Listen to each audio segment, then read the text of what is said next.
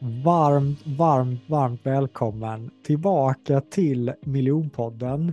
Och det här är ju årets då sista poddavsnitt. Nu kliver vi snart in i ett nytt år, 2024. Vilket episkt år det kommer bli 2024. Och med det här avsnittet så kommer jag och några ambassadörer och väldigt nära vänner till mig summera hösten. Vad var toppavsnitten den här hösten? Var det vissa avsnitt som stack ut? Och hur har Erik till exempel tagit action på något av de avsnitten? Hur har Sofia vad har Sofia tagit med sig från den här hösten kopplat till miljonpodden? Och framförallt, vad har den eminente Josef tagit med sig som har lyssnat på alla avsnitt nästan två gånger. Jag kommer också droppa några av gästerna för 2024 och hur det går med mitt mål att intervjua de hundra största föreläsarna och coacherna i världen. Så det är inga små mål som ligger för miljonpodden för, för 2024. Jag är taggad på att wrappa upp eh, året. Jag, eh, jag börjar med att välkomna upp eh, Erik Bergström Hooks står det på Zoom här. Såklart. Hur, hur, är, hur är läget Erik? Du har haft eh, lite covid va? Eller, eller förkylning? Ja, precis. Det har varit några tuffa veckor, men eh, nu är jag tillbaka på banan igen, lagom till eh, avslutet på året här. Mm. Vad är du mest tacksam över idag? Ja, delvis. nu, får, nu får jag känna av min hälsa, så den är jag väldigt tacksam för att den kommer tillbaka. Eh, så just när du, sa det så, så var det, det, det första som kom upp eh, just i stunden här, att jag får vara frisk. Eh, för det är något som jag annars kan ta för givet och sen så när det väl träffar en så bara wow, det är så här det är att vara sjuk, just det. hur, hur slår Erik Bergström ihjäl en sjukdag? det är väl att bara vara hemma i soffan så mycket som möjligt. Eh, äta och dricka något, något gott och eh, göra så lite som möjligt egentligen.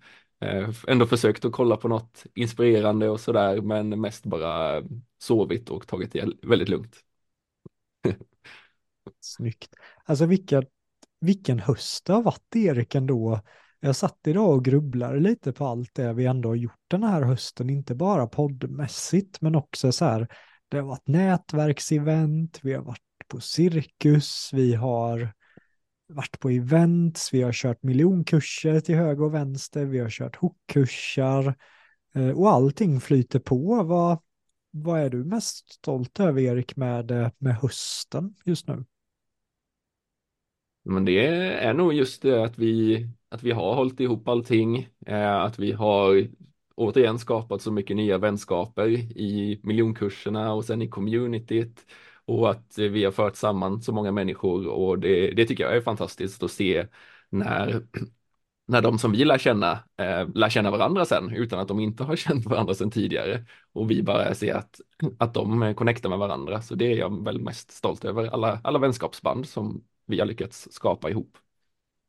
Snyggt. Ja, det är så häftigt att vissa miljonkursare går miljonkursen igen med varandra i egna studiegrupper grupper. Det, det tycker jag är riktigt coolt och hur de connectar, hur de hjälper varandra. Och det känns som att vi håller på att bygga upp en stor familj på något sätt. Mm, verkligen. Ja. Jag, eh, hmm, vad är jag mest stolt över med hösten? Uh, ja, det är nog banne med att jag fått ihop alltså det stora livspusslet med att vara småbarnsfarsa, partner, företagare hälsa, det är så många delar i ens liv, verkligen. Och framförallt när James var sjuk några veckor nu i höstas och inte sov på nätterna. Alltså, oj, stentufft alltså. Och att man mm. ens står upp, det, det, det, är väl jag mest stolt över efter den här hösten. Speciellt när man då satte så stora mål som jag framförallt gjorde i november. Eh, och när sömnbrist blir, det blir ju ja, jag är stolt att jag lyckades navigera i det ändå. Ja, ja men verkligen. Är det, no är det något du ser direkt är en av de största nycklarna till att du klarade dig igenom det där? Som du kan, kan se direkt nu framför dig?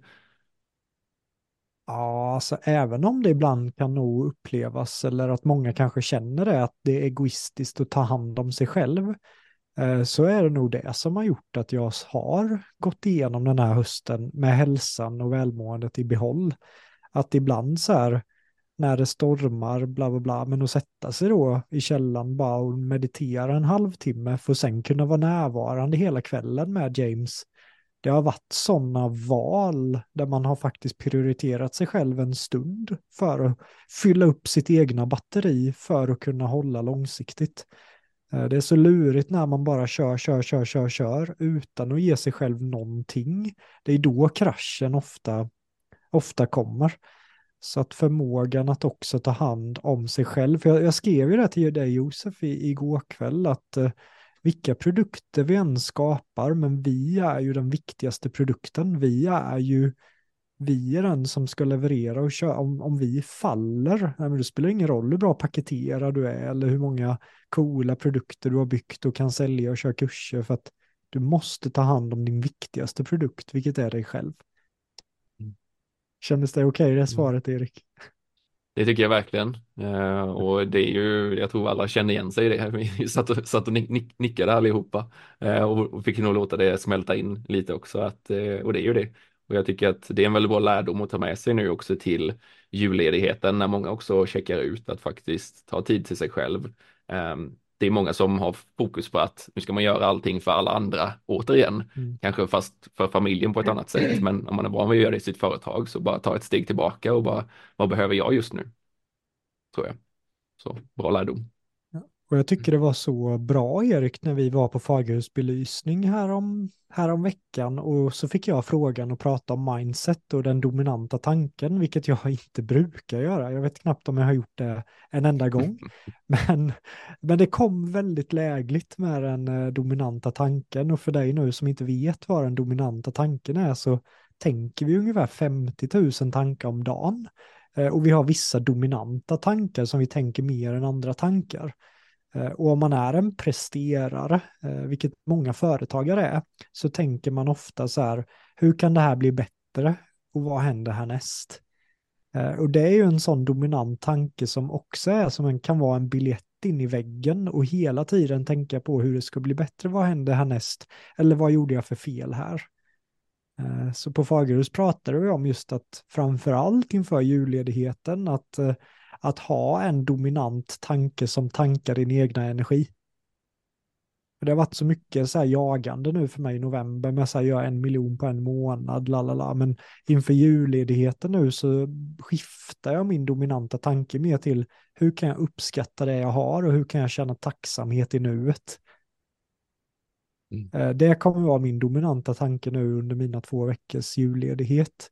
För den kommer tanka upp min energi den kommer få mig i närvaron och eh, är så viktigt. Den dominanta tanken styr egentligen alla våra känslor. Så om man är stressad så innebär det säkerligen att man har en dominant tanke som skapar stress.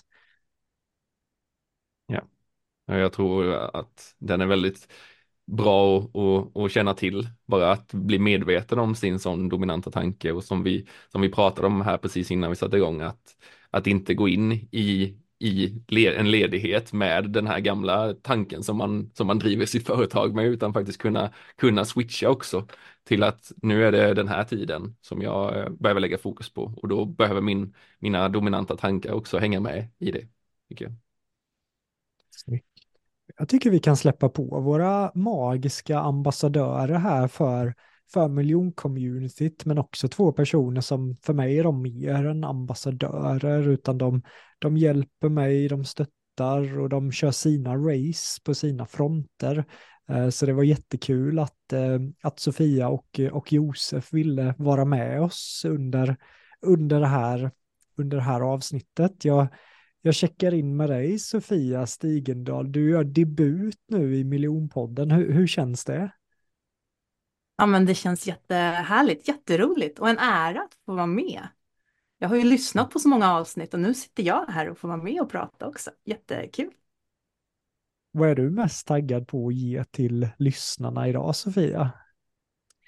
Ja, men jag är nog mest taggad på att dela med mig av det avsnittet som, som jag eh, inte tror uppmärksammas så väldigt mycket, om jag gissar, men som ändrade min, mitt mindset och mitt skifte liksom, i min business nu under hösten faktiskt. Snyggt. Innan du är, går in där Sofia, vad, vad kommer vara din dominanta tanke under julledigheten nu? Eller kommer du ha en julledighet? Det är inte alla som ens har. Eh, jag, utifrån att jag, jag kommer inte att sitta och jobba massor. Jag kommer att jobba en del, eh, men jag kommer inte jobba massor. Men min jul, jag har tre barn eh, och ett av mina barn tycker inte om förändringar, tycker inte om när saker blir annorlunda och rutiner bryts. Så att jag är inte ledig, jag är inte, om du pratar med en annan funkisfamilj som jag brukar kalla mig själv för, eh, så tror jag att de skulle hålla med om att ledighet är inte riktigt ledighet för oss på samma sätt.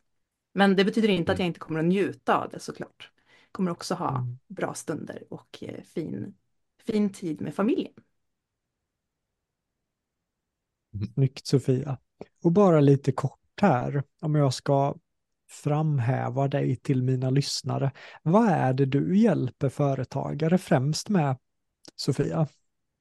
Ja, men jag hjälper chefer, ledare att få med sina team i organisationsförändringar utan att tappa kontrollen och utan att bränna ut sig själva och springa in i den där berömda väggen. Så. Snyggt alltså, det är välbehövligt. Men eh, låt mig fråga nu, du sa att det är ett avsnitt som inte har fått så mycket space, upplever du? Eh, I marknadsföringen kanske, men som påverkade dig. Bra hook där, du fick mig verkligen att bli nyfiken. eh, vilket avsnitt är detta och vad lärde du dig där? Eh, men det var avsnittet med eh, Anna Riknell. Eh, mm. Och hon pratade om att framgång är vad du själv säger att den är. Du behöver inte och ska inte titta på alla andras version av framgång och hur de bygger upp sin business och sådär. Eh, och det var en så fin påminnelse för mig eh, som startar företag ganska sent i livet, om man nu kan säga så. Eh, och ja, men jag hade tänkt när jag började mitt företag så tänkte jag så här, ja, men jag ska vara 100% digital, jag ska bygga upp ett team, jag ska göra det här.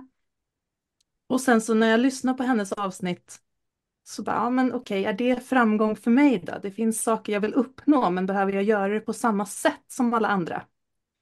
Eh, och sen så dröjde det ett tag.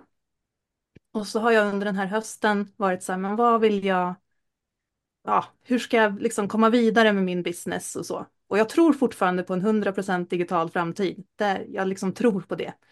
Men med Annas avsnitt i bakhuvudet så satt jag mig och gjorde en övning igen som jag har gjort tidigare. Jag tror att ni alla känner igen den, att man någonstans sätter sig ner och så, ja men vad, vad, vad ser jag i min framtid? Hur vill jag att min drömvardag, ursäkta, drömvardag ska se ut?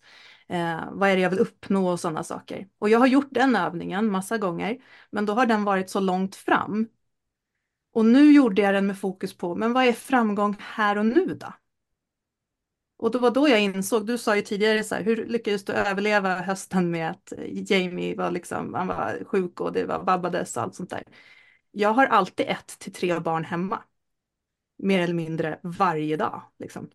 Eh, och då insåg jag någonstans när jag gjorde den här övningen med hennes ord i bakhuvudet att nej, men framgång för mig nu är inte 100% digitalt och kurser.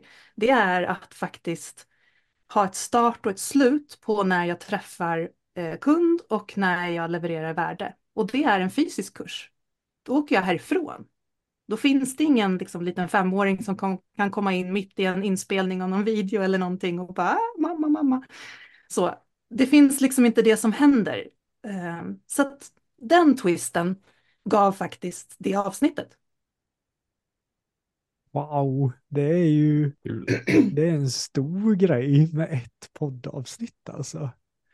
Mm. Och jag förstår känslan med att faktiskt vilja lämna huset ibland, för det kände väl jag denna hösten att jag har alltid suttit här och sagt jag älskar det digitala och det gör jag. Men herregud vad skönt det har varit nu när jag har lagt en dag i veckan på Hoksärgård och dit fokuserat på en person i coach. Alltså jag har ju känt som semester mot att jag har fyra personer som jag coachar, springer upp, tar en kaffe, tar James tio minuter, springer ner, byter fokus, coach springer upp, tar James, springer ner, kör ett webbinar. Alltså, de dagarna var ju liksom otroligt mycket mer krävande än att vara på Hooks herrgård. Där man kan gå till restaurangen, man äter mat, man fokuserar på en person, man sparar lite. Helt otroligt. Mm. Men Anna Ricknell alltså, vilken, vilken stjärna. Jag tyckte med det var ett väldigt fint avsnitt just att hon gör sin grej. Hon säger vad hon tycker, hon gör det hon känner för. En riktig, en riktig hjälte, så det avsnittet rekommenderar vi starkt. Vad, tog mm. du med dig något Erik från Anna Ricknells avsnitt? Ja, det gjorde jag och först vill jag bara säga att det är avsnitt nummer 43 för dig som sitter och undrar nu bara hur hittar jag detta egentligen Anna, jag vill lyssna på det. Så 43.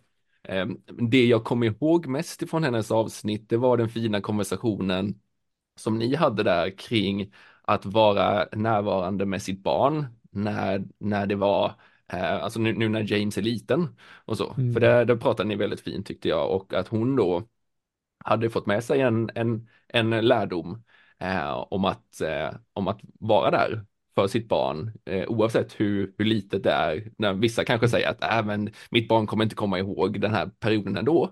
Men där hon hade tvärtom då, liksom att det här är en av de viktigaste perioderna att finnas där. Så, så det var en sån situation eh, som jag tog med mig liksom, till min framtid och som ni hade en väldigt fin, fin stund om, tyckte jag.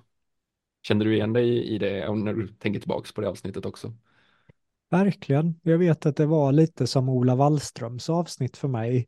Att det var inte så mycket fokus på miljonerna, det här, det är så lätt nu mm. att, att det blir det och man börjar som så fint, man jämför sig och hela rubbet. Och, nej, det är eh, väldigt viktigt, speciellt i dessa tider tycker jag, att, eh, att släppa hetsen och fokusera på nuet och, och tacksamhet.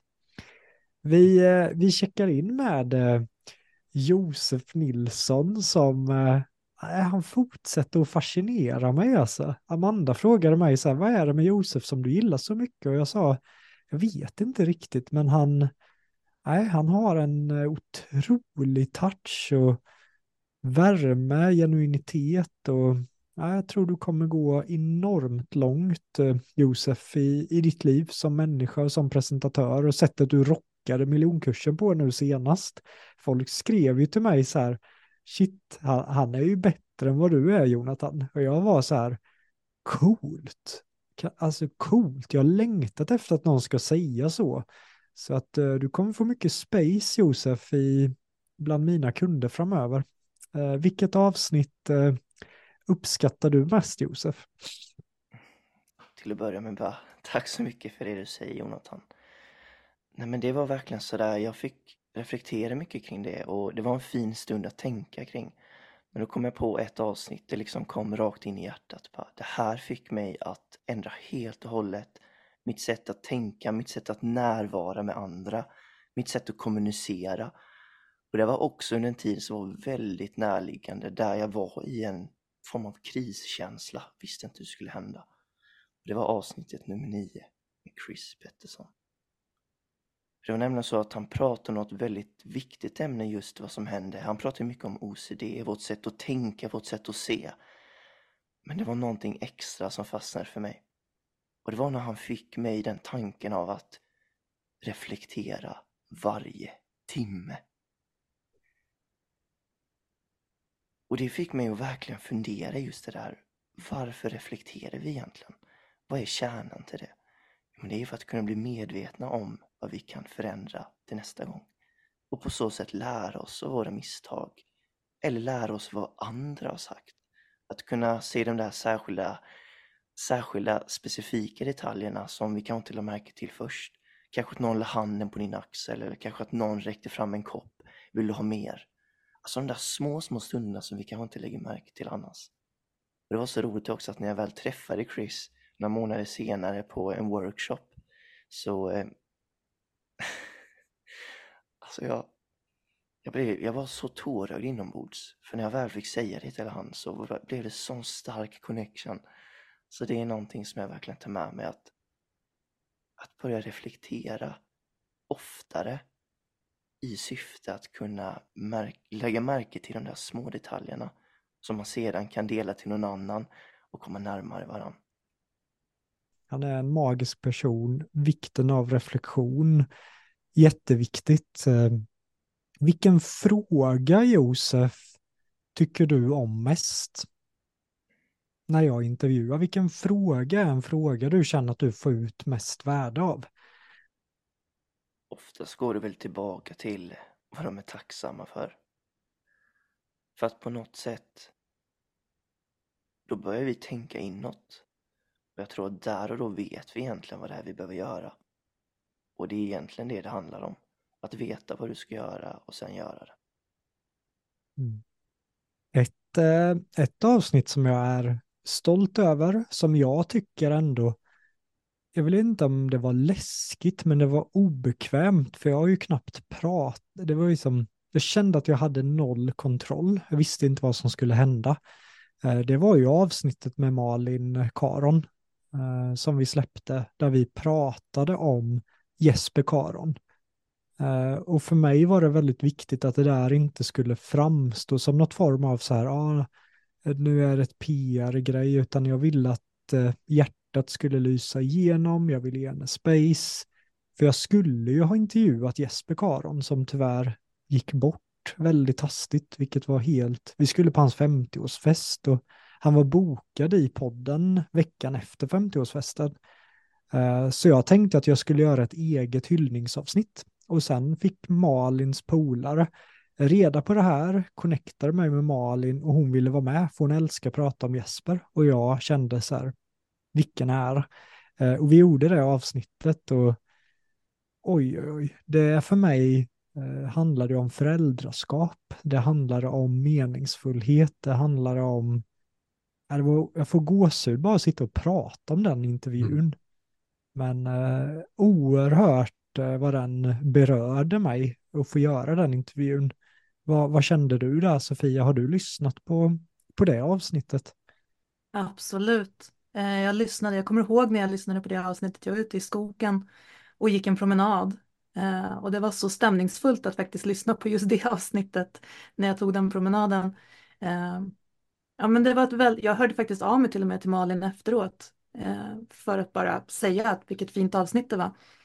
Men jag tog med mig mycket av det som du säger med föräldraskapet och hans förmåga som jag förstod det att liksom show up.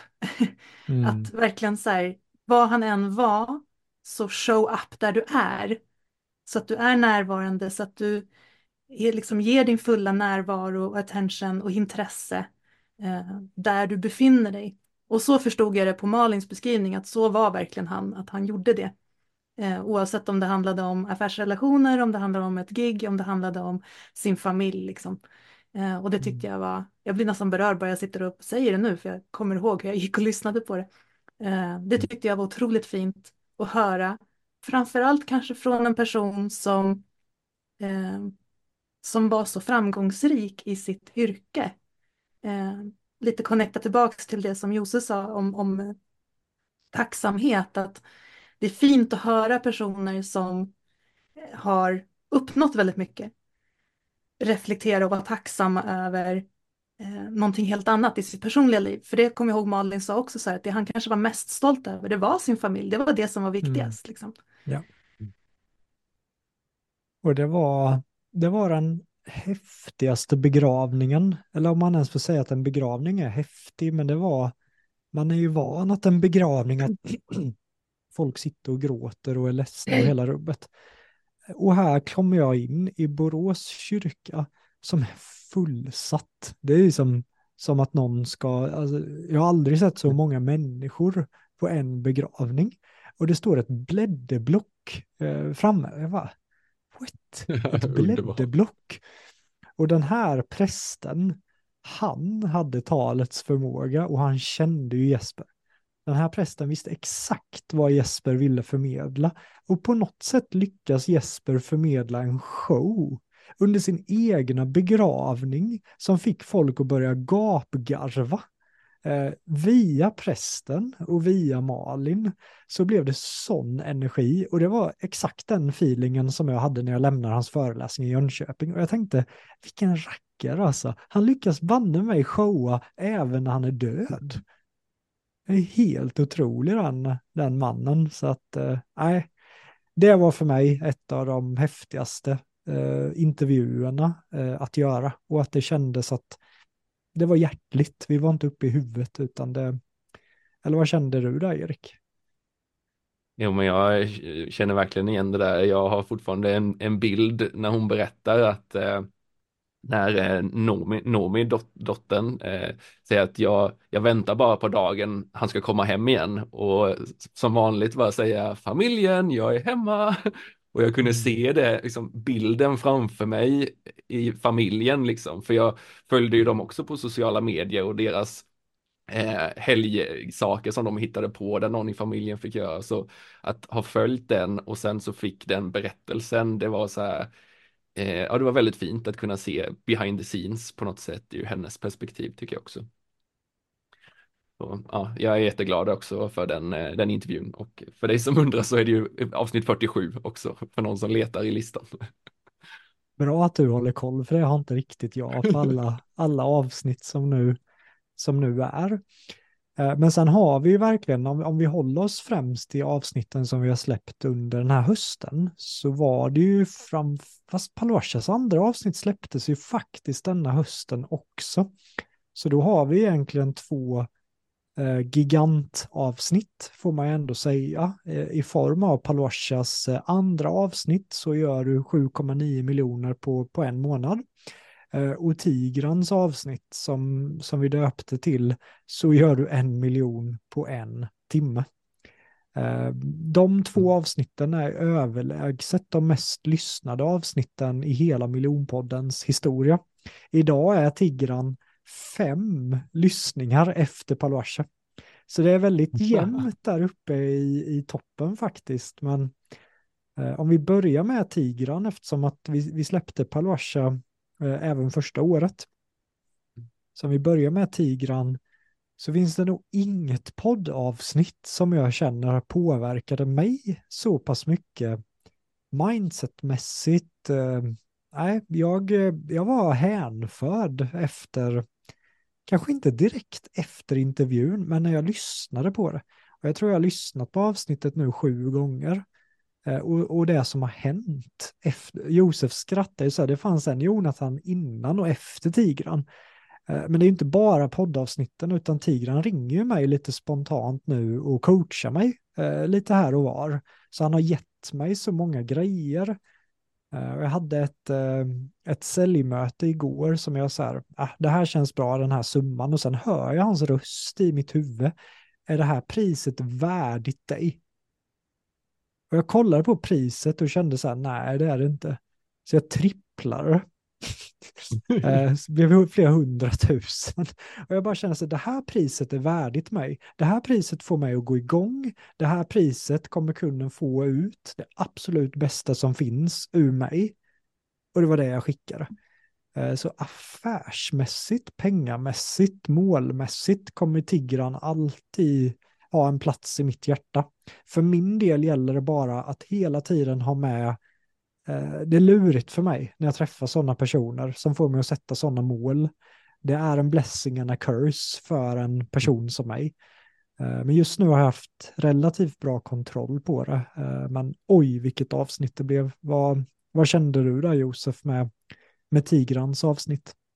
Ja, alltså som du säger sju gånger, jag känner igen mig den siffran, hur många gånger man har lyssnat på det. Och jag märker mer och mer också när man lyssnar på de här delarna att hur han tänker, att när man tänker på de bitarna, just hur han gör alla kopplingar och hur han agerar och hur han gör, så blir det en sån tydlighet för en att det här är någonting som man bara behöver fylla i sig med och handla ifrån. Sen har det varit så roligt också nu när jag fått summera och visualisera mycket av hans material och sådana bitar från eventet och, och se liksom gemensamma nämnaren, vad är liksom det handlar om. Och där kan man se så häftiga grejer kopplat till just hur, hur han tänker där, hur han besvarar. Och jag, jag kunde inte sluta observera mycket hur han gör saker. Och i ett lärarperspektiv så har det blivit sån otrolig effekt. Att tänka hur tänker Tigran? Hur lär han ut saker? Och sedan imitera det och försöka applicera det. Mm. Sofia, vad, eh, vad landade hos dig i, i Tigrans avsnitt? Jag tror att det som landade mest hos mig var nog ert samtal i sig faktiskt. Att det blev så väldigt genuint och konkret. Han är väldigt duktig på att måla upp konkreta liksom, bilder. Eh, för mindset kan bli lite, ja, det kan väl bli lite övergripande ibland kan jag tycka. Eh, lite, lite, inte så lätt att ta på liksom. Eh, men han, han visualiserar det så himla bra med att säga, ja men om du har den här tanken, ja men då ser, om du är en person som kanske vill, tycker att hälsa är viktigt, han ger något sånt exempel. Eh, då ser du liksom gymmen på stan, du ser hälsobutikerna på stan och sådär. Att du ser det du fokuserar på, det tyckte jag var en väldigt bra grej att ta med sig. Att säga, okej, okay, om jag fokuserar på det som går bra eller det som jag vill uppnå, då är det det jag kommer att se mer och mer och mer i mitt liv. Och han konkretiserade det så himla snyggt så att man verkligen kunde relatera till att, men gud, det här stämmer ju liksom. Det stämmer ju, om det mm. stämmer där, det är klart att det måste stämma i mitt liv då, i min vardag, i det som jag vill uppnå. Why not? Det tyckte jag var riktigt liksom, um, ja, mm. riktigt, riktigt bra gjort.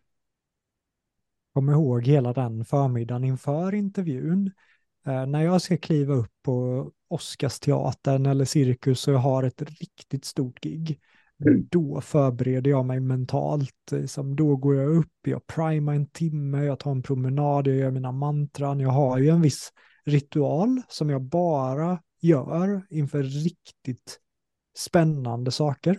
Eh, och det gjorde jag inför det här avsnittet, för jag kände att jag hade inte riktigt fattat de här universella lagarna. Alla snackar om Bob Proctor, om det här. Jag bara kände så här, min dominanta tanke ska vara, jag ska förstå nu, vad är det här?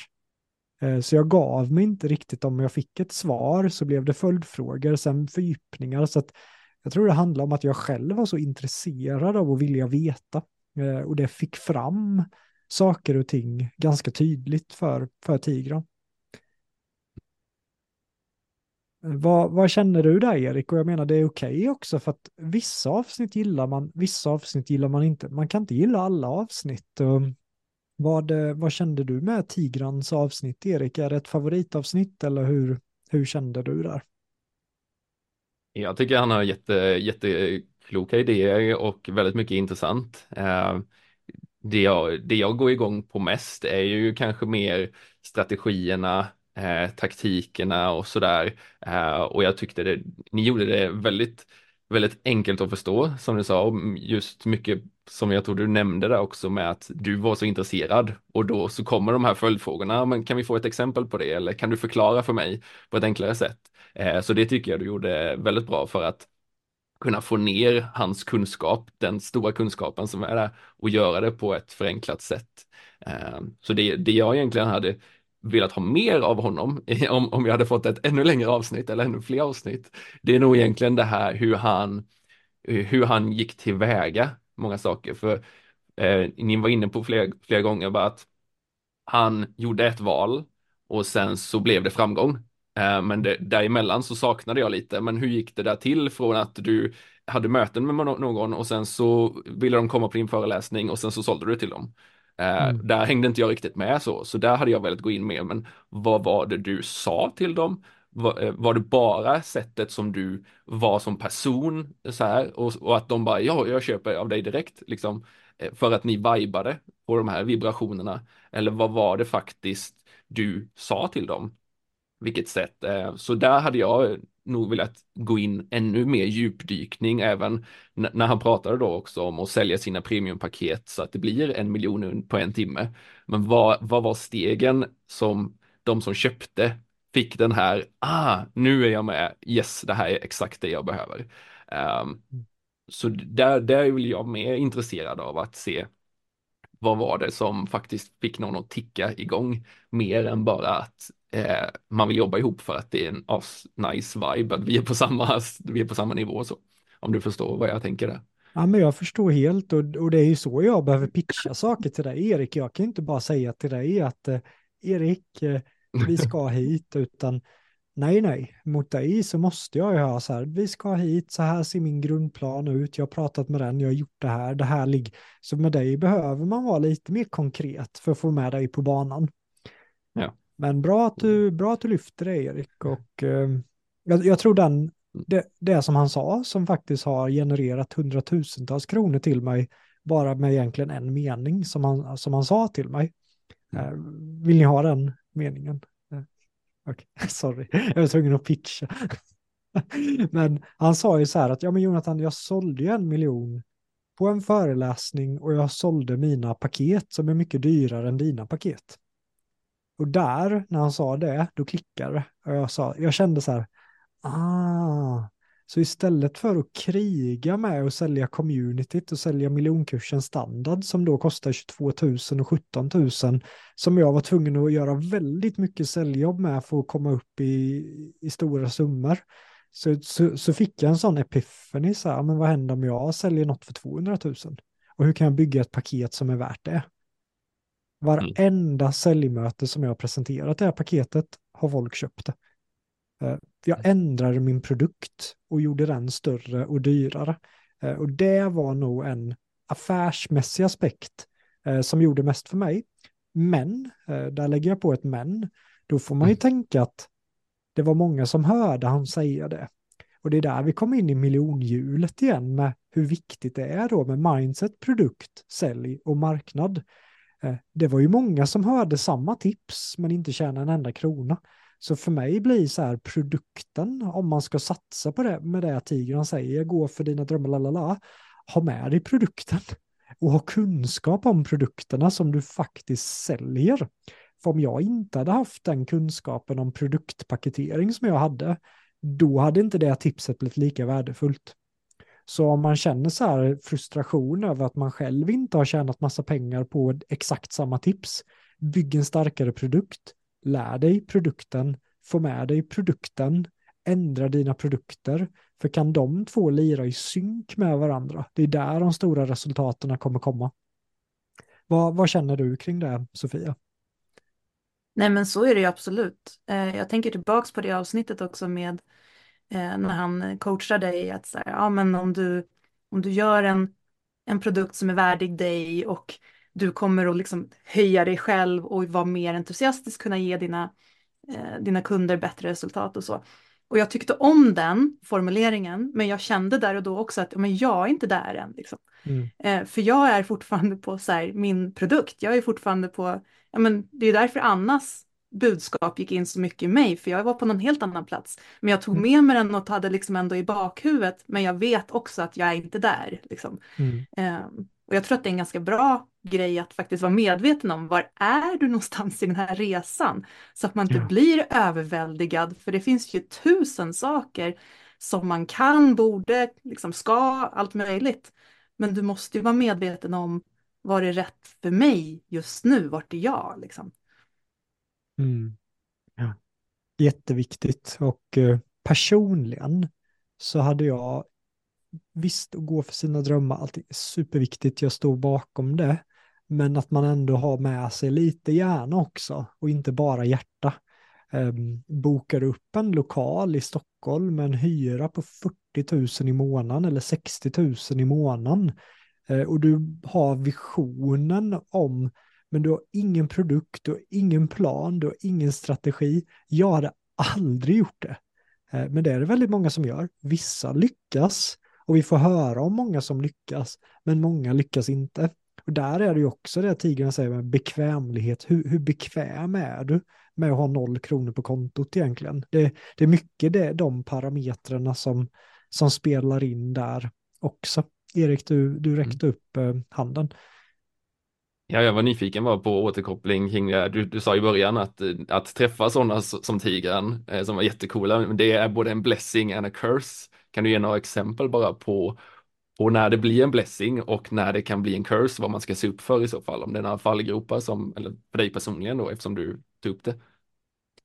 Nej, men jag, jag vet ju att i mig så ligger en grov presterare som, som jag har tyglat. Det är som, som, en, som ett lejon som jag ändå har liksom tyglat och kan kontrollera idag, eh, som jag inte kunde innan. Och det var ju därför jag kunde göra äventyr som att åka rullskidor 400 mil genom Australien utan att åkt rullskidor, slå världsrekord i dykning, gå igenom Sveriges hårdaste militära utbildning. Det är så att när jag sett ett sånt mål eh, så blir det som en enda funnel vision för mig, där allt annat utanför det, det är inte viktigt. Det är liksom det enda som blir viktigt blir målet. Jag kommer ihåg på dykningen framförallt där jag tappade kontroll, för det var det största målet jag kanske hade haft i hela mitt liv, att simma en mil under vattnet. Det är liksom en irländsk proffsdykare i världen som hade gjort det. Och han failade fem gånger och jag går, går för, inte bara göra det, utan att slå hans tid också. så, så på den nivån av presterare finns i mig. Eh, och när jag gjorde det här projektet så var det som att jag har minnesluckor från de sex månaderna. Det enda jag gjorde var att dyka, prata, jag bytte ut mina polare till bara folk som dök. Liksom, jag pratade inte med någon annan som störde mitt fokus.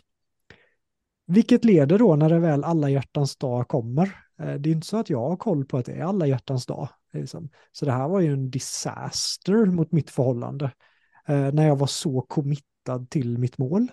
Eh, så, och, och, då är det så här, är det värt det? Va, va, det hade kunnat bli ännu värre än vad det blev. Som tur var så liksom lyckades jag repa det och, och ha lärt mig mycket med självledarskapsaspekten, men på den tiden hade jag inte kunskap om självledarskap, meditation, priming, utan jag bara gick för det. Sårade människor runt omkring utan att fatta att jag ens sårar någon. Eh, och jag kände lite grann nu under när jag satte en miljon i november. Eh, jag, det, jag har aldrig gjort det, eh, knappt det dubbel eller hälften. Det var ett stort mål och jag kände den där funnel visionen igen som jag inte har känt på länge. Och jag har ett ganska sorgligt minne eh, när eh, Amanda hade lagat jättefin lunch och hela rubbet och hon såg väl i min kalender att jag hade en timme. Eh, och jag kom upp och hon pratar om barnuppfostran eller någonting och jag sa till henne att så här, prata inte med mig om det här för jag är i säljmode idag. Så du kan inte prata med mig om något annat än sälj. Uh, och det är lite så här sorgligt minne från november tycker jag att så här, det är ju exakt den personen jag har suttit i podden och varit rädd för. Uh, och den glimmade till i november. Uh, som också fick konsekvenser privat.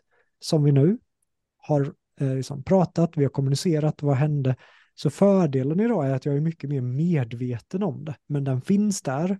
Eh, och desto högre mål, skulle jag sätta 10 miljoner, desto mer kommer den fram. Eh, så att, ja, that's me.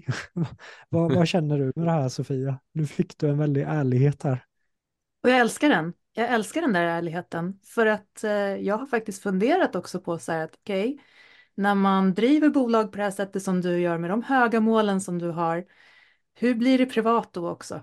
Ja. För att jag har ju varit på andra änden och är den som många gånger har suttit hemma med barnen liksom, mm. i min relation och vet hur det är att vara den personen. Så att jag älskar ärligheten. Men jag skulle säga också så här att ur ett perspektiv så tycker jag att det är ganska bra att den personen, den sidan av dig, får komma fram i ett läge där det fortfarande inte är på liv och död, jättestort, mm. någonting. Alltså visst, jag ska inte underminera, det var jättehäftigt, du gjorde en miljon, jättebra liksom.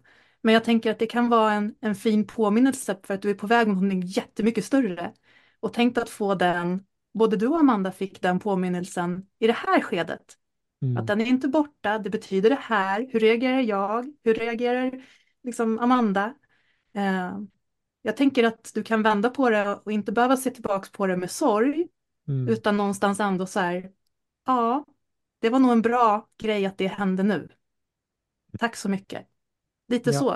Eh. Helt, uh, helt rätt. Och uh, nej, det är liksom, jag vill vara en entreprenör som får med mig alla delarna. Och då kliade för mig i november när jag inte, för efter halv fem så slutade jag jobba. Och så sitter jag där halv fem och vet att så här, två timmar till idag hade bett hundratusen till. Uh, och, och, det blir en viss, och så ringer vissa av mina mentorer Eh, som vissa av dem, jag, jag plockade goda och blundar för det, inte onda, men det jag inte inspireras av. Eh, men jag vet att de lägger in 70-80 timmar eh, och då blir jag så här, det är orättvist. Du jobbar ju dubbelt så mycket, det är liksom, då kommer sådana tankar, men jag vill ju vara den entreprenören som står för familj, hälsa, eh, relationer, paddel, för alltså att ha den kombon. Ehm, för jag tycker att det finns för få av de entreprenörerna. Mm. Ja, men det är coolt att se att du kan vara en sån förebild och, och bara vara medveten om det och prata om det på det här sättet gör ju att eh, det blir lättare för varje gång tycker jag. Så eh, ja, bra jobbat. Och att du ändå, vi är, vi är med alla och stöttar ju och sådär också. Det är kul att höra. En bra fråga. Jag gillar konfliktfrågor. Det är, som, det, är det som är spännande. Skitkul Erik, det är bra. Eh, Josef, vad tänker du kring det jag säger här? Det är ju just det, det är ju där i de tuffa stunderna som vi verkligen lär känna varandra och oss själva. Och på något sätt att upptäcka att vi har ju alltid en ny version av oss själva längre fram. Att lära känna den genom de här stunderna. Det får mig också lite tankar från till exempel ditt meddelande igår som verkligen det tog tag i mig. Det fick mig verkligen att tänka i ett helt annat perspektiv nu inför till exempel juletid och inför nya året. Att de personer man kanske inte har kramat så mycket som man velat eller skrivit det där meddelandet eller gett den där, ställt den där frågan som kanske ingen annan gör. Just de där små sakerna och det tänker jag verkligen i det här perspektivet att vi lär ju känna så mycket också av att vi delar. Nu när du delar detta Jonathan så får jag ju också andra tankar. Hur skulle jag kunna tänka till nästa gång? Hur skulle jag kunna agera annorlunda? Hur kan jag på något sätt ta lärdom av det här? Det är ju det jag tänker hela tiden att vi lär oss ju inte av våra framgångar. Mm. Vi lär oss av våra motgångar som tar oss dit. Mycket. Alltså, vi lär oss av våra motgångar. I, I like it. Ah, nu kommer jag bort mig lite här vad vi skulle prata om. Men eh, Sofia, vart, vart går den här intervjun härnäst? Vad ska vi prata om nu Sofia tycker du? Något avsnitt, reflektion, tankar inför nästa år? Du bestämmer. Oh, vilken makt jag fick. Eh, ja, men kan vi inte prata lite om saker som eh, du känner eller så som kanske så här, fan det här borde jag gjort lite annorlunda eller där blev lite platt fall mot vad jag hade tänkt mig i podden eller om du har något sånt? Uh, herregud vad ni utmanar mig. ja, du frågade ju. Ja, ja det, och jag uppmanar, jag, jag, sänder ju, jag sänder ju dubbel. Jag bara, först bara, ja, jag älskar det, sen får jag en till. Jag bara, sluta. Jag bara, Nej, men absolut. Jag, jag tycker att jag var lite feg eh, i avsnittet med Kane där kom demoner fram från hur jobbigt jag hade det med engelskan på gymnasiet. Jag tränar hela tiden. Eh, Kane kommer, en topp 100 i världen person som föreläser på Tony Robbins event. Eh, vi hade ett samtal när han visade mig sitt hus i Sri Lanka och jag bara kände mig så liten.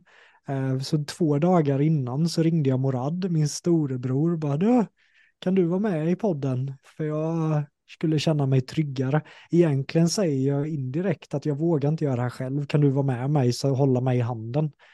Eh, och eh, Morad gjorde ett jättebra jobb, men vi var inte riktigt i synk. Vi, vem leder, vem leder inte? Jag kände att jag gömde mig Eh, och vågade inte ta plats. Eh, kom in i det med några frågor eh, och kände att det var väldigt svårt att ha med en medintervjuare som jag inte var ihopsnackad med. Så den ångrar, ångrar jag att jag inte ägde den lite mer, för jag hade löst det. Veckan efter körde jag en hel workshop för ett bolag på engelska i fyra timmar. Alltså det, jag hade löst det. Det var bara lite järn, hjärndemoner eh, som kom fram där. Men nästa engelska intervju kommer jag ta själv. Mm. Snyggt. Ja. Var, var, var det där du sökte, Sofia? Eller? Ja, det var det väl. Jag hörde faktiskt av mig till dig efteråt och sa det också. Ja. Att eh, jag tyckte det var synd, för det kändes lite som att du bad om ursäkt för dig själv i intervjun. Mm. Mm. Samtidigt som när du ställde frågorna det var ju då det blev intressant. För att du har liksom ett sätt att ställa frågor på som får fram den andra personens verkliga kunskap.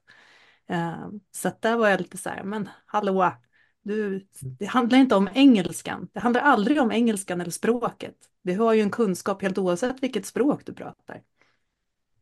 Nej, men där, mm. en stor anledning till att jag tog in Morad, det var ju för att Kane ville skrev så här, jag vill bara prata AI. Och jag bara, alltså jag har ju typ testat ChatGPT, jag kan inte så mycket om AI.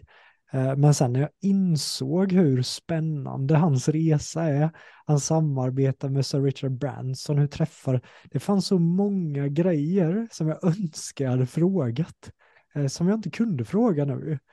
Eh, så att ja, det, det är en, en viktig lärdom för 2024.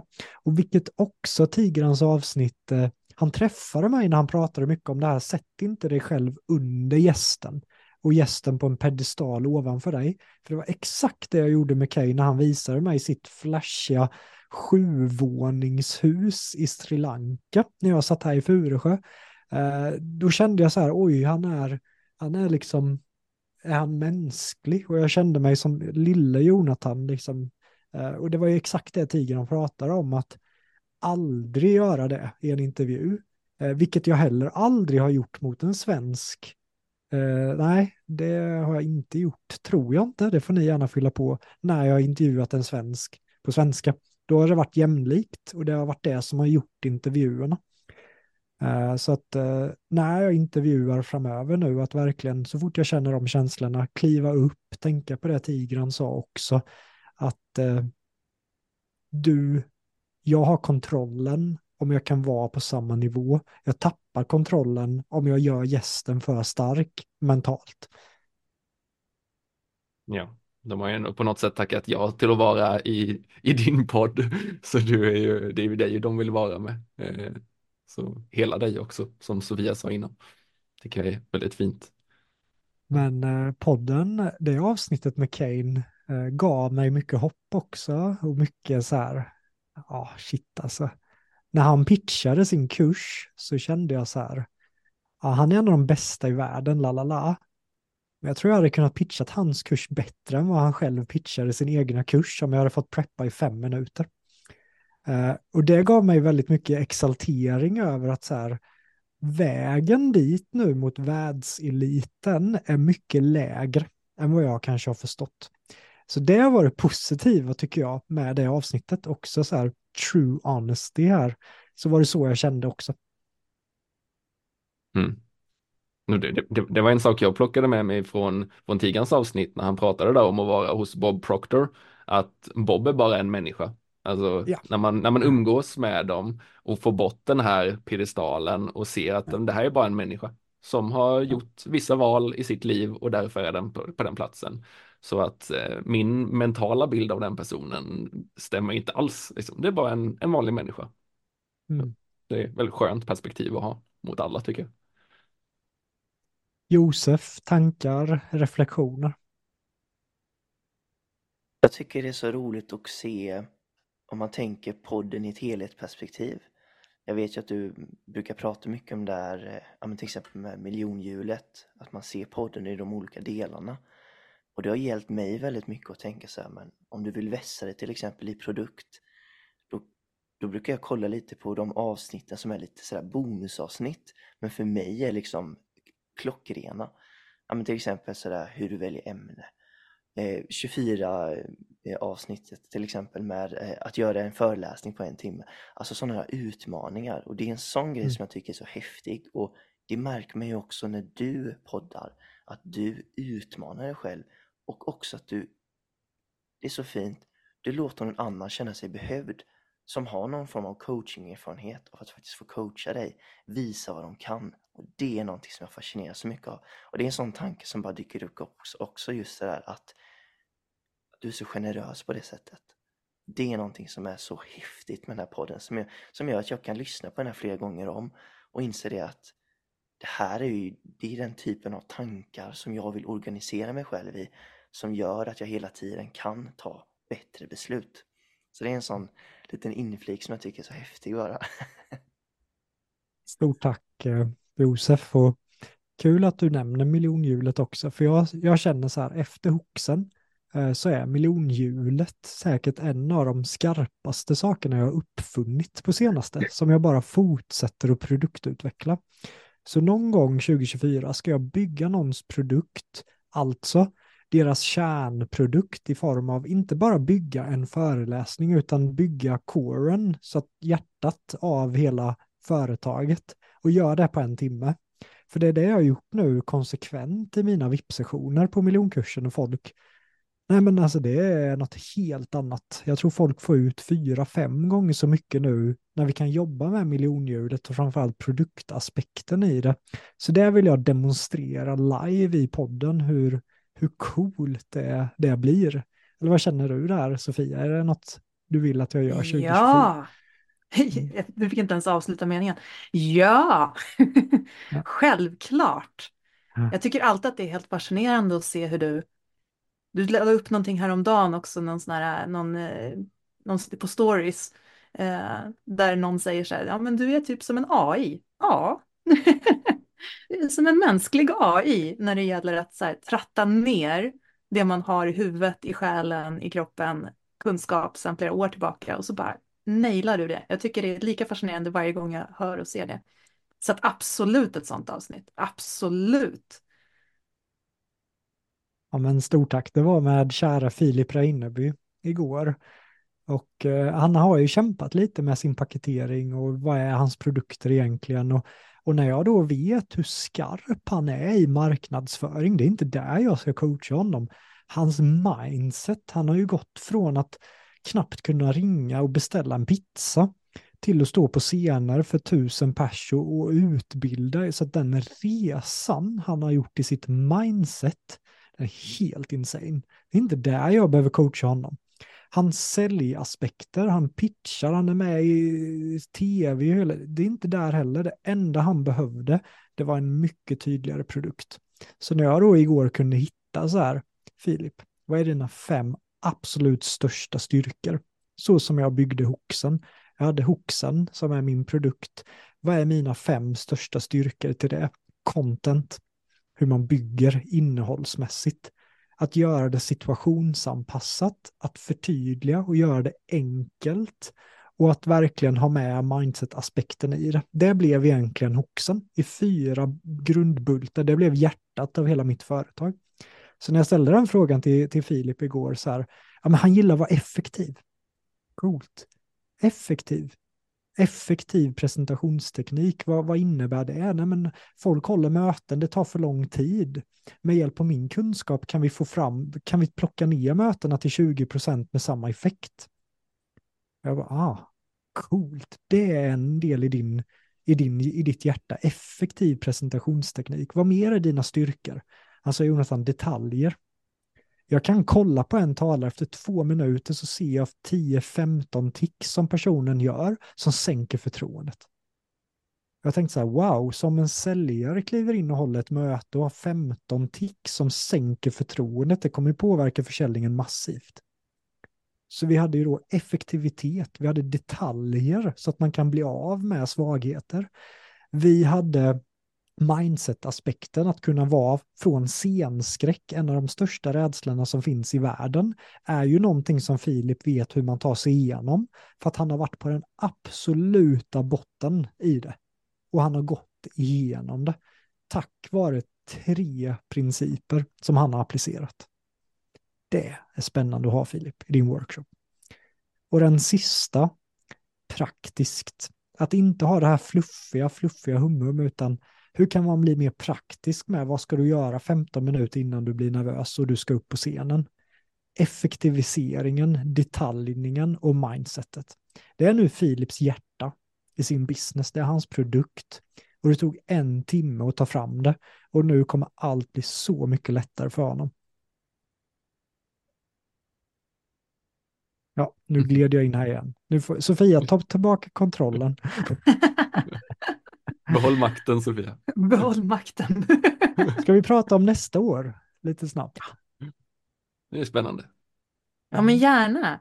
Gärna. Får man ha så äh, önska? Mm. Shoot, wish. Shoot. Um, Ja, men dels så önskar jag att eh, det blir fler avsnitt med personer, lite som det här med Marcus och Josefin, Marcus Runhager och Josefin Asklöv. De, det jag tyckte om med det avsnittet så mycket, det var att varken Marcus eller Josefin, så som jag uppfattar dem, har egentligen, de säljer inte marknadsföring. Deras expertis är inte marknadsföring. Men det de pratade om här, det var LinkedIn och hur du marknadsför dig som coach eller expert eller föreläsare. Mm. Och jag tycker om mm. den twisten. Jag tycker om att få höra någon som inte liksom kan sälja sälj. Eller alltså någon som inte kan, sitt expertområde är inte en av, av bitarna i eh, miljonhjulet. Mm. Men den säljer någonting annat, men den kan prata om eh, försäljning eh, för att den har lyckats så bra inom det. Men den säljer hundcoaching eller alltså jag vet inte, någonting. Det, skulle, det tycker jag är en så här, eh, Erik börjar skratta åt mig. Nej men jag tycker det är en, så här, det är en mm. spännande twist.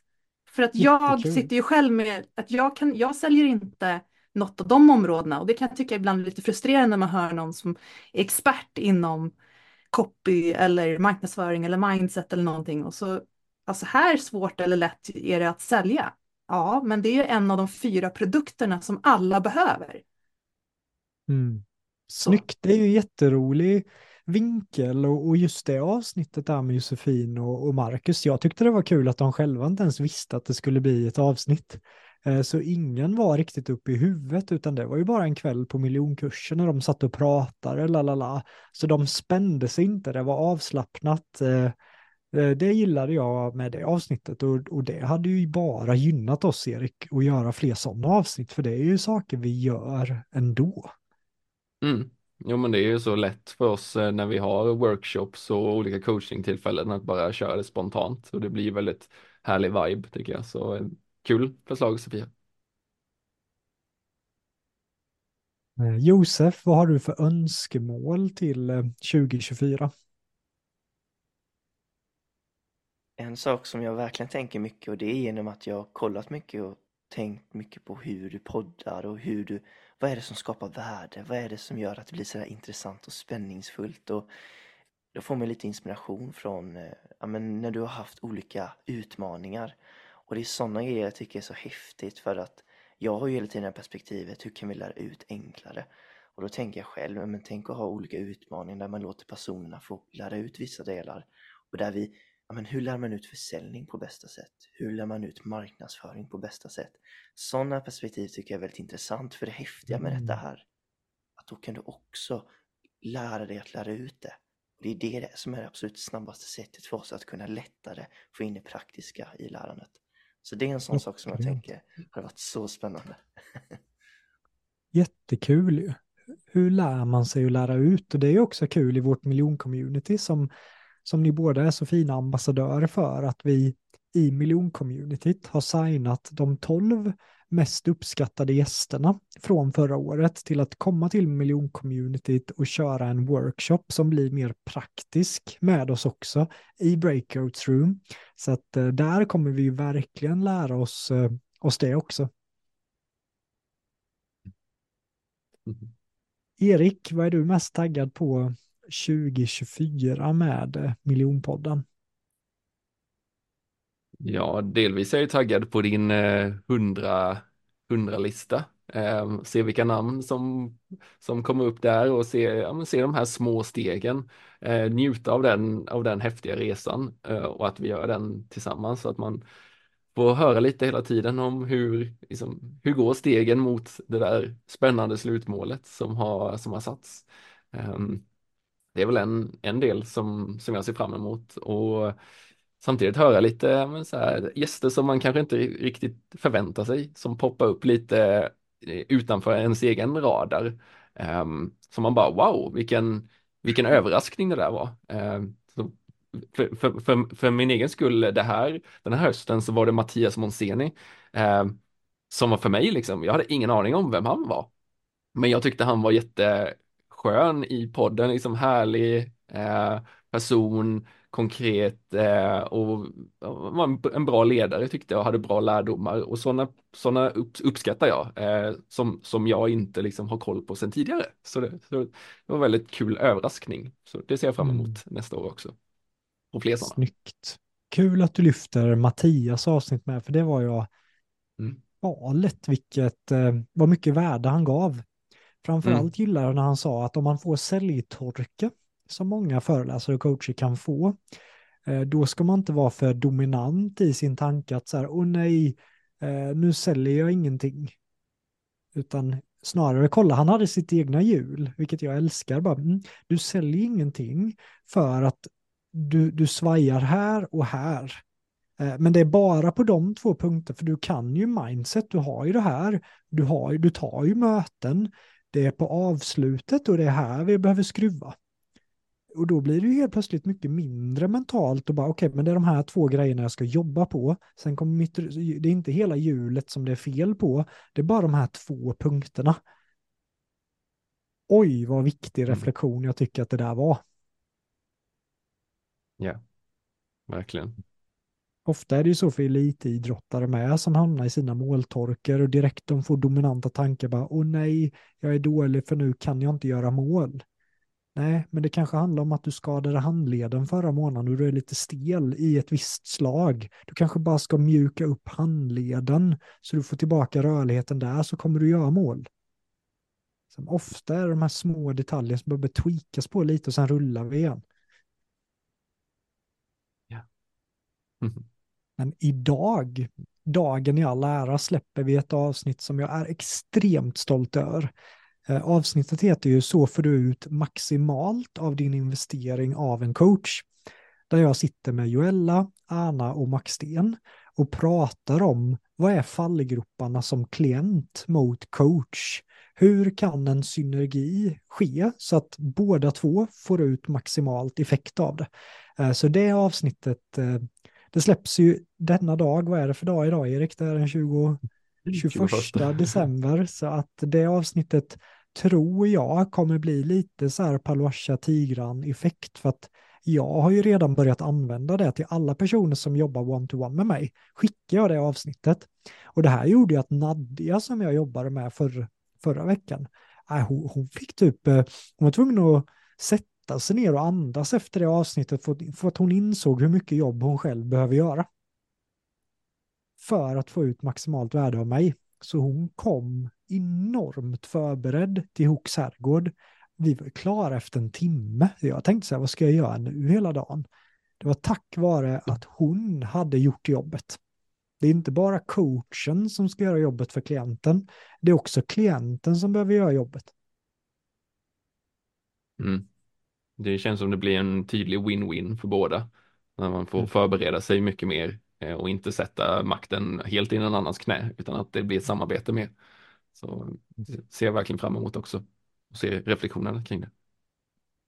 Den, eh, den 10 februari intervjuar jag min eh, före detta chef David Phillips och det här, honom håller jag som topp 100 i världen.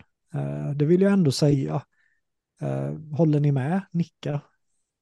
det är ju väldigt svårt för mig annars så eftersom att det inte finns en utstakad, det här är topp 100 i världen, men han har ju ändå TEDxerna, han har meriterna som bästsäljare global bok nu och eh, nej, eh, så det avsnittet är jag väldigt taggad på. Det är ett avsnitt som jag har väntat med och approachar David med för att jag känner att men det är ändå så här, jag vill göra ett bra jobb, eh, jag, eh, ja, jag vill ha flow, jag vill dela våran story, för den är, den sträcker sig så långt bak som som över 11 år ihop. Eh, och mina tre år med David blev ju bättre än säkerligen vilken annan universitetsutbildning inom retorik som helst. Så jag har så mycket att tacka David för. Eh, så jag skrev det till honom att med det här avsnittet vill jag också hylla honom som, som en av mina största mentorer som jag faktiskt har haft. Så det avsnittet är jag väldigt taggad på. Ja, det blir roligt att, att höra era personliga reflektioner och lärdomar där också.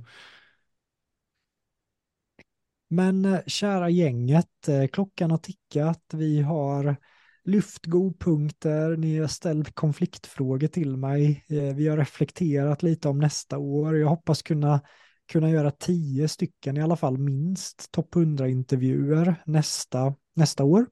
Imorgon har jag ett möte så som jag var David Phillips högra hand på ett sätt under flera år var Louis Crompton, eh, Robert Kiyosakis högra hand.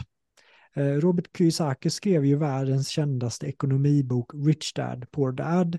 Så det här är alltså hans second man på ett sätt som idag är sin egna person som är en av tre föreläsare och coacher där Kane är en då som Daniel Wood eh, ville samarbeta med. För att Daniel Wood menar att det här är the big future. Eh, imorgon har jag ett samtal med Louis eh, över Zoom där vi ska prata om att han är med i miljonpodden. Och det känns superkul. Eh, så att eh, det börjar hända saker i maskineriet. Så utöver det så kommer jag sikta på att ha kul, eh, köra på, mm, ha med dig mycket Erik i avsnitten, jag gillar det. Och med det här sagt vill vi också önska ett, ett riktigt gott nytt år och jag vill bara checka in för vi har två andra personer här idag också som kommer under nästa avsnitt kommer de få det spacet som Josef och Sofia fick idag. De satt med idag, får lyssna. Hur går en sån här interaktiv poddavsnitt till? Eh, jag vet inte Jonas om du har på ditt, eh, ditt ljud just nu? Jo, men jag finns här. Du finns här. Vad, eh, vad vill du önska lyssnarna för miljonpodden inför 2024? Jag, men så här, jag önskar eh, alla lyssnare eh, två veckor här där de kan eh, landa i det som har hänt under året och i alla möjligheter och utmaningar som har funnits och en tid för reflektion både inåt och utåt och framförallt kunna känna att de kommer in i 2024 med stabilitet, med ett eh, lugn och med en övertygad om att de är på helt rätt väg just där de är just nu. Nytt Jonas och eh, för er som inte känner till Jonas Ali, lägg det namnet på, på minnet. Han kommer fronta oss mycket och är en av de bästa nätverkarna som jag känner till. Men herregud vad den här mannen kan coacha jag vet inte vad man ska kalla din coaching, men jag fick ett smakprov av Jonas coachning och för mig var det, det var precis lite, lika impactfullt som coachningen med David Phillips och andra personer jag haft, att det här var, jag tror inte Jonas riktigt har fattat själv hur, hur stor coach Jonas faktiskt kommer bli. Eh, för det blixtrade till förra helgen i soffan med ett glas eh, inte glas rött, lite bubbel, jag vet inte vad vi drack. Men det var, vi var, inte... det var nog lite glögg där kan jag tro. Okej, okay, det var nog glögg. men det var i alla fall helt, eh, helt otroligt. Och checkar in med, med Therese Jossbrandt här som jag också har verkligen lärt känna det här året. Du har kommit in med, med dunder och brak och det finns nog ingen som jag just nu chattar så mycket med som jag gör med dig Therese. Så jag tror du kanske inte riktigt har förstått vilken otrolig säljare, inte bara coach, för jag vet ju att du driver aha-metoden och produkten och coachar mycket, men oj vilken säljare du är, Therese också, med hjärtat på rätt plats. Eh, och de två komponenterna kommer få dig att flyga i år. Vad, eh, vad är du mest stolt över med 2023, Therese? Oj, eh, ja men jag, jag har ju verkligen börjat jobba med den självbilden och det är tack vare dig liksom. Också mycket. Jag har inte sett mig själv som en säljare och insett att jag har haft en bild vad en säljare är och inte är. Eh, så det är mycket tack vare dig och även Max Sten. Eh, alltså just det här att kunna sälja med hjärtat eh, och vara genuin. Eh, så, men jag är stolt över resan och en stor del har ju varit miljonkursen Sen har jag byggt upp ett jättefint nätverk med, med andra människor och det är så mycket olika kompetenser som man har lärt känna också. Eh, så det känns som att vad jag än har för fråga så kan jag lyfta luren och ringa någon. Eh, sen är jag som dig liksom med det här eh, jag, jag gillar ju hela tiden utvecklingen framåt, framåt, framåt. Så jag får ju också verkligen så här, nu när det är jul, bara okej, okay, nu får jag liksom skärma av och inte jobba, fast jag tycker det är så roligt. Eh, och bara liksom vara med, göra medvetna val och sätta, sätta lite gränser för mig själv. Snyggt, men samtidigt så är det också viktigt så här, bara för att vi säger så här, chilla över jul, la la la, alltså det passar vissa, vissa inte. Kollar man på en av världens kändaste coacher, föreläsare, kreatörer just nu, Alex Hermosi, så säger han mer eller mindre att eh, fuck helger, eh, du ska jobba hela tiden, eh, varför ska du vara ledig på en kväll? Liksom, han har ju den retoriken, han är en av de största i världen och hjälper väldigt många mer människor än vad jag gör just nu. Eh, och jag menar, vissa människor mår bra av det. Vissa människor mår bra av två veckor julledighet. Det finns ju inget så här rätt eller fel vad man måste göra. Det gäller ju bara att ta ett beslut vad man själv mår bra av att göra.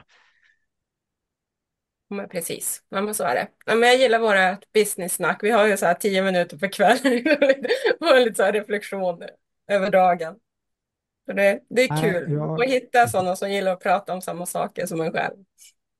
Jag har ett sånt roligt minne på Cirkus där när jag hade fått, eh, jag har försökt sälja miljonkursen till en viss person under flera månader, men nej, det var svårt. Det var, då, då, då blir jag ju exalterad och testar det ena och det andra, men nej, det gick inte.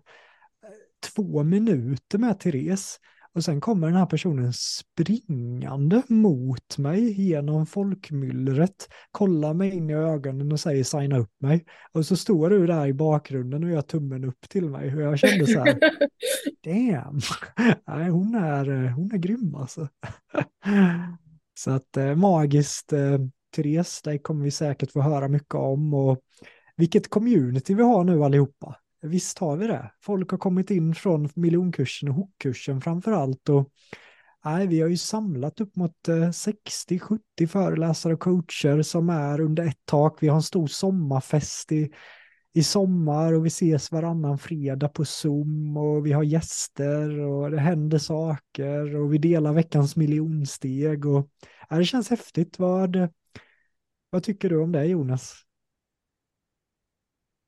Ja, men jag tycker det är eh, fantastiskt. Jag brinner ju för den här känslan av att bygga familjen och eh, att eh, få in eh, människor eh, av olika kompetenser, olika bakgrunder, olika eh, intressen och sådär. Och bara hitta de här gemensamma faktorerna som får en att flöda liksom. Och få den här känslan när vi träffas, som vi verkligen får varje gång vi träffas, känns det som att eh, fan det här är helt rätt plats för oss allihopa. Eh, så eh, jag, jag brinner ju för det rakt upp och ner och jag ser ju hur vi blir bättre och bättre och bättre på det hela tiden. Så det kommer bli helt fantastiskt att se hur, hur communityt kommer utvecklas. Särskilt nu när vi har fått lite mer mandat och, och möjlighet att påverka. Så det ser jag verkligen positivt på. Mm. Sofia, vad känner du med communityt än så länge? Eh, ja, nej, men det är en fantastisk... Jag vill ju hellre säga att det är mitt team än min familj, men det är lite olika. Men, ja, men det är ett team för att det är så himla mycket olika kompetenser att det finns alltid, när man slänger ut en fråga, eh, lite som Therese sa innan också, att så här, om man slänger ut en fråga så finns det liksom sju pers som bara, nej men jag kan det där. Eh, så här och så här och så här ska du göra. Att det finns så många fler i det här communityt än bara dig eller bara Erik. Ja, liksom. ja, eh, som också delar med sig av sin kunskap, kompetens och gör det med hjärta. Det tycker jag är väldigt, väldigt fint. Jag, bruk, jag säger till min man att jag har gett mig själv communityt till mig själv. Jag har gett det här mm. communityt till mig själv. Mm. Eh, och det är liksom en fin gåva till mig själv i min företagarresa. Eh, och det tror jag att de fler liksom, kan skriva under på att det är en fin gåva till sig själv att vara med i ett sånt här community. Snyggt och jag känner hur, hur, taggad jag blir mer och mer nu också. Att jag har ju pratat mycket om att föra in äventyren i att föra mina två världar samman och nu kör vi Toscana igen i april hemma hos Peppe Ekmark. Där hade vi tyvärr bara 16 platser som bara tjoff sa det.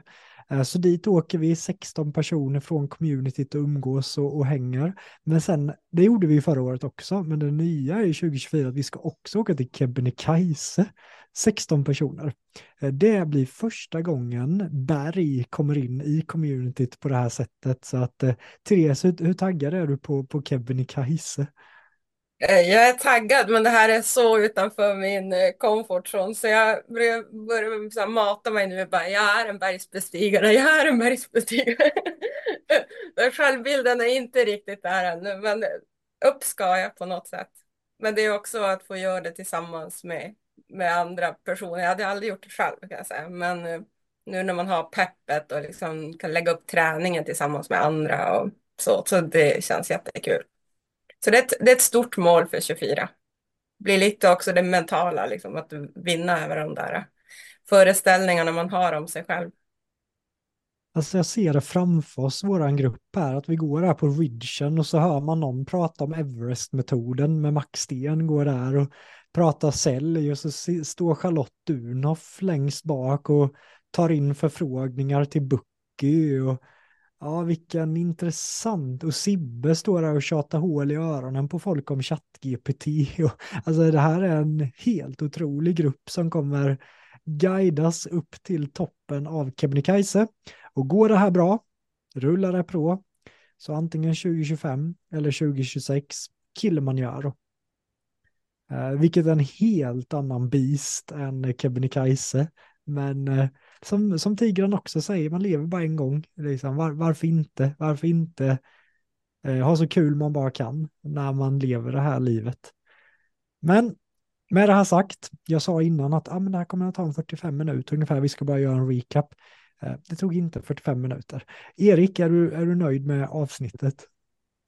Ja, men det är jag verkligen. Vi har haft härliga diskussioner och kul att höra allas eh, input och takeaways det. Och jättekul att höra alla, dig som lyssnar också, eh, åsikter och tankar och önskningar och allting hela tiden. Det är alltid väldigt uppskattat, så fortsätt gärna med det. Tack för det, det här året. Och gänget, vi har också en plats kvar nu för miljonkursen den 26 januari. Therese, tycker du att någon föreläsare coach som lyssnar på det här borde ta det steget och knipa den absolut sista platsen för 26 januari? Det tycker jag verkligen och jag är förvånad att du har en plats kvar. Ja, vi fick tyvärr en som ville flytta till mars. Eh, så jag fick flytta en person ja, ja. från 26 jag... till, till mars och öppnar upp för en plats till nu. Ja, men är det någon som vill eh, då gå all in, starta året 2024 med raketfart så ska de absolut nippa den platsen. Snyggt Therese. Ha en eh, riktigt god jul tänkte jag säga, men jul kanske redan har varit när du lyssnar på det här avsnittet. Det bestämmer Erik Bergström. Ha ett riktigt gott nytt 2024. Gör det här till ditt miljonår. Ta hand om dig. Ha det så bra. Vi ses.